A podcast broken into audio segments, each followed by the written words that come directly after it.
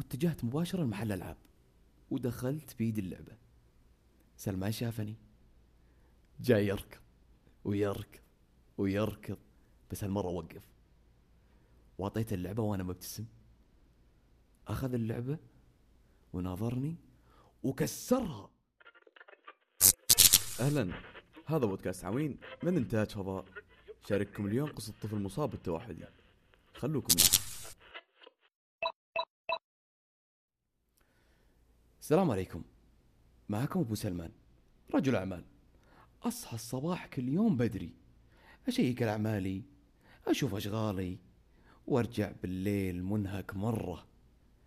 طبعا مجرد ما أفتح الباب ويشوفني سلمان يركض يركض يركض.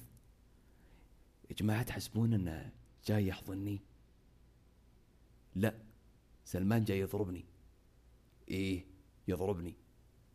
سلمان يعاملني كأني عدوه. وصراحة مرات أتجاهل. والصراحة الأكبر مرات أعامله بطريقة قاسية. طبعا مو أنا الشخص الوحيد اللي يتعامل مع سلمان بهالتعامل. حتى أمي كبيرة بالسن إن شافها تمشي دفها. إن شافها جالسة بغرفة قفل المفتاح عليها وضيع المفتاح. سلمان طفل ذكي بالمرة بالمرة. أي شيء أعطيه يتقنه. سلمان إذا سمع أغنية أو آية قرآنية يحفظهم. أنتم شكلكم ما تدرون أن سلمان يتقن ثلاث لغات. إنجليزية كورية وشوي هندية. طبعا زوجتي جزاها الله خير تحرص عليه بالمرة وتركز على إيجابياته ودائما تقول لي وكانت كل يوم تقول لي الأعمال اللي يساعدها فيها وما أخفيكم أنه صاحب يد ماهرة. باختصار سلمان كل شيء فيه زين إلا عدوانيته. ضاق خلقي منه بالمرة. صرت أكره إذا سمعت طاريه وإذا جوني ضيوف والله ما يطلعون مننا سالمين. يا مسوي لهم شيء كاب عليهم ولا معتدي عليهم. ما ما أعرف شو أسوي. طبعا كل شخص يجيني ويعطيني نصايح. واحد يقول لي في مس والثاني يقول لي فيه مرض توحد والثالث مدري وش يقول. طبعا خرابيط وأنتم عارفين. كثير أشياء تخطر ببالي وأفكر فيها. فكرت بالمرة وتشتتت أفكاري. خفت إنه يكون طفل منبوذ. حتى إذا كبر يكون منبوذ أكثر. فيوم رحت لبنت أخوي. وفضفضت له. وقلت لها كل شيء. وأعطتني كلمة كانت بالنسبة لي كف. إيه كف؟ قالت لي في مرة دخلت معاك لعبة بيدك أو شوكلت أو أي شيء. قلت لها لا والله صراحة يا بنتي ولا مرة دخلت. والصدق أنا ما انتبهت لهذا الشيء. وحتى بآخر زيارة عندنا هي لاحظت أنه يبحث عن الاحتواء أن إحنا نحتويه. والولد ما يعرف شلون يطلع مشاعره ما يطلعها الا بالغضب والعدوانية. وطبعا أكيد إحنا بنلاقي صعوبة بالبدايات لكن إن شاء الله بتسهل. وحنا نحاول ان نخليه الافضل أخذت هالكلمة من بنت أخوي ومشيت. واتجهت مباشرة لمحل ألعاب ودخلت بيد اللعبة. سلمان شافني. جاي يركض ويركض ويركض بس هالمرة وقف. واعطيته اللعبة وأنا مبتسم. أخذ اللعبة وناظرني وكسرها وجاء يضربني.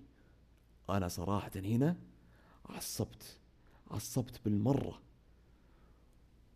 لكن تذكرت كلام بنت أخوي. قالت هو يبي الاحتواء فأنا جيت وحضنته وشفته يبكي يبكي يبكي. ما أخفيكم؟ أنا بكيت معه. بكيت وحضنته وشلته وقضينا اليوم كامل مع بعض.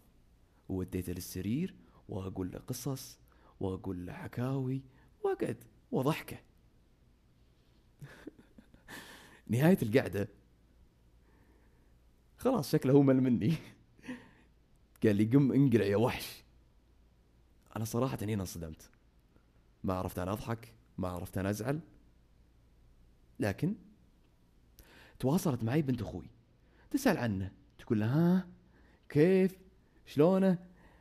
قلت والله للحين أنا حاطط إيدك. ما صار ولا شيء. كل يوم يزيد عدوانية. قالت لي إيش رأيك؟ تسافرون سوا. قلت لها صادقة يا بنت الحلال.